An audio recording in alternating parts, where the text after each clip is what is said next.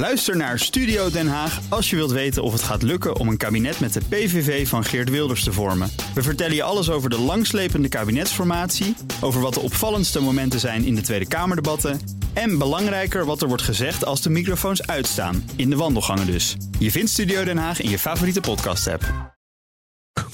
De column van Marianne Zwagerman.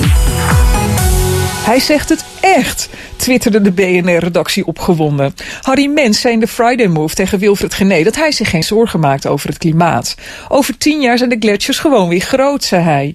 Niet alleen de redacteuren verslikten zich in de bitterballen. Op Twitter buitelde men hinnikend over elkaar heen om die domme mens. Zondag monteerde Arjen Lubach mens naast Trump in een klimaathysterisch item. Nou ben ik net als mens een klimaatoptimist, maar tien jaar is een beetje snel. Feit is wel dat het ijs op de Noordpool smelt, zoals we elke dag kunnen lezen. Maar op de Zuidpool neemt het de laatste jaren vooral toe.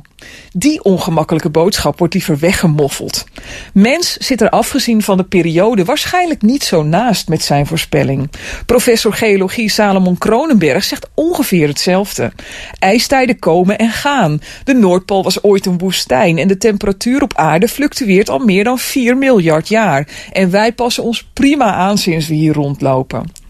Ik keek op YouTube ademloos naar een college waarin hij dat allemaal uitlegt op de TU Delft anderhalf jaar geleden. Studenten protesteerden tegen het college van Kronenberg en een andere klimaatoptimist Marcel Krok.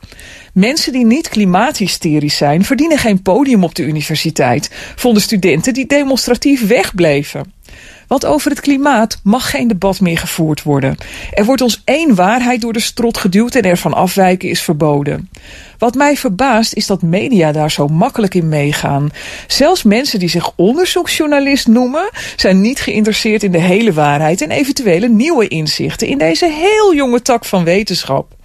Terwijl de waarheid wordt gepredikt door de Verenigde Naties, een politiek instituut dat per definitie argwaan van journalisten verdient.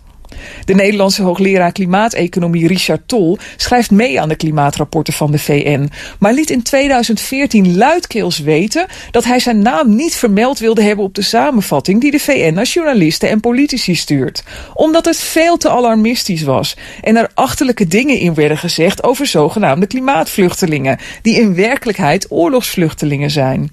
Ik zal als onderzoeksjournalist aan minder genoeg hebben om te gaan graven naar de echte waarheid. Maar ze lachen klimaatoptimisten liever uit en gedragen zich als de PR-afdeling van de Verenigde Naties. Dat is best wel gek.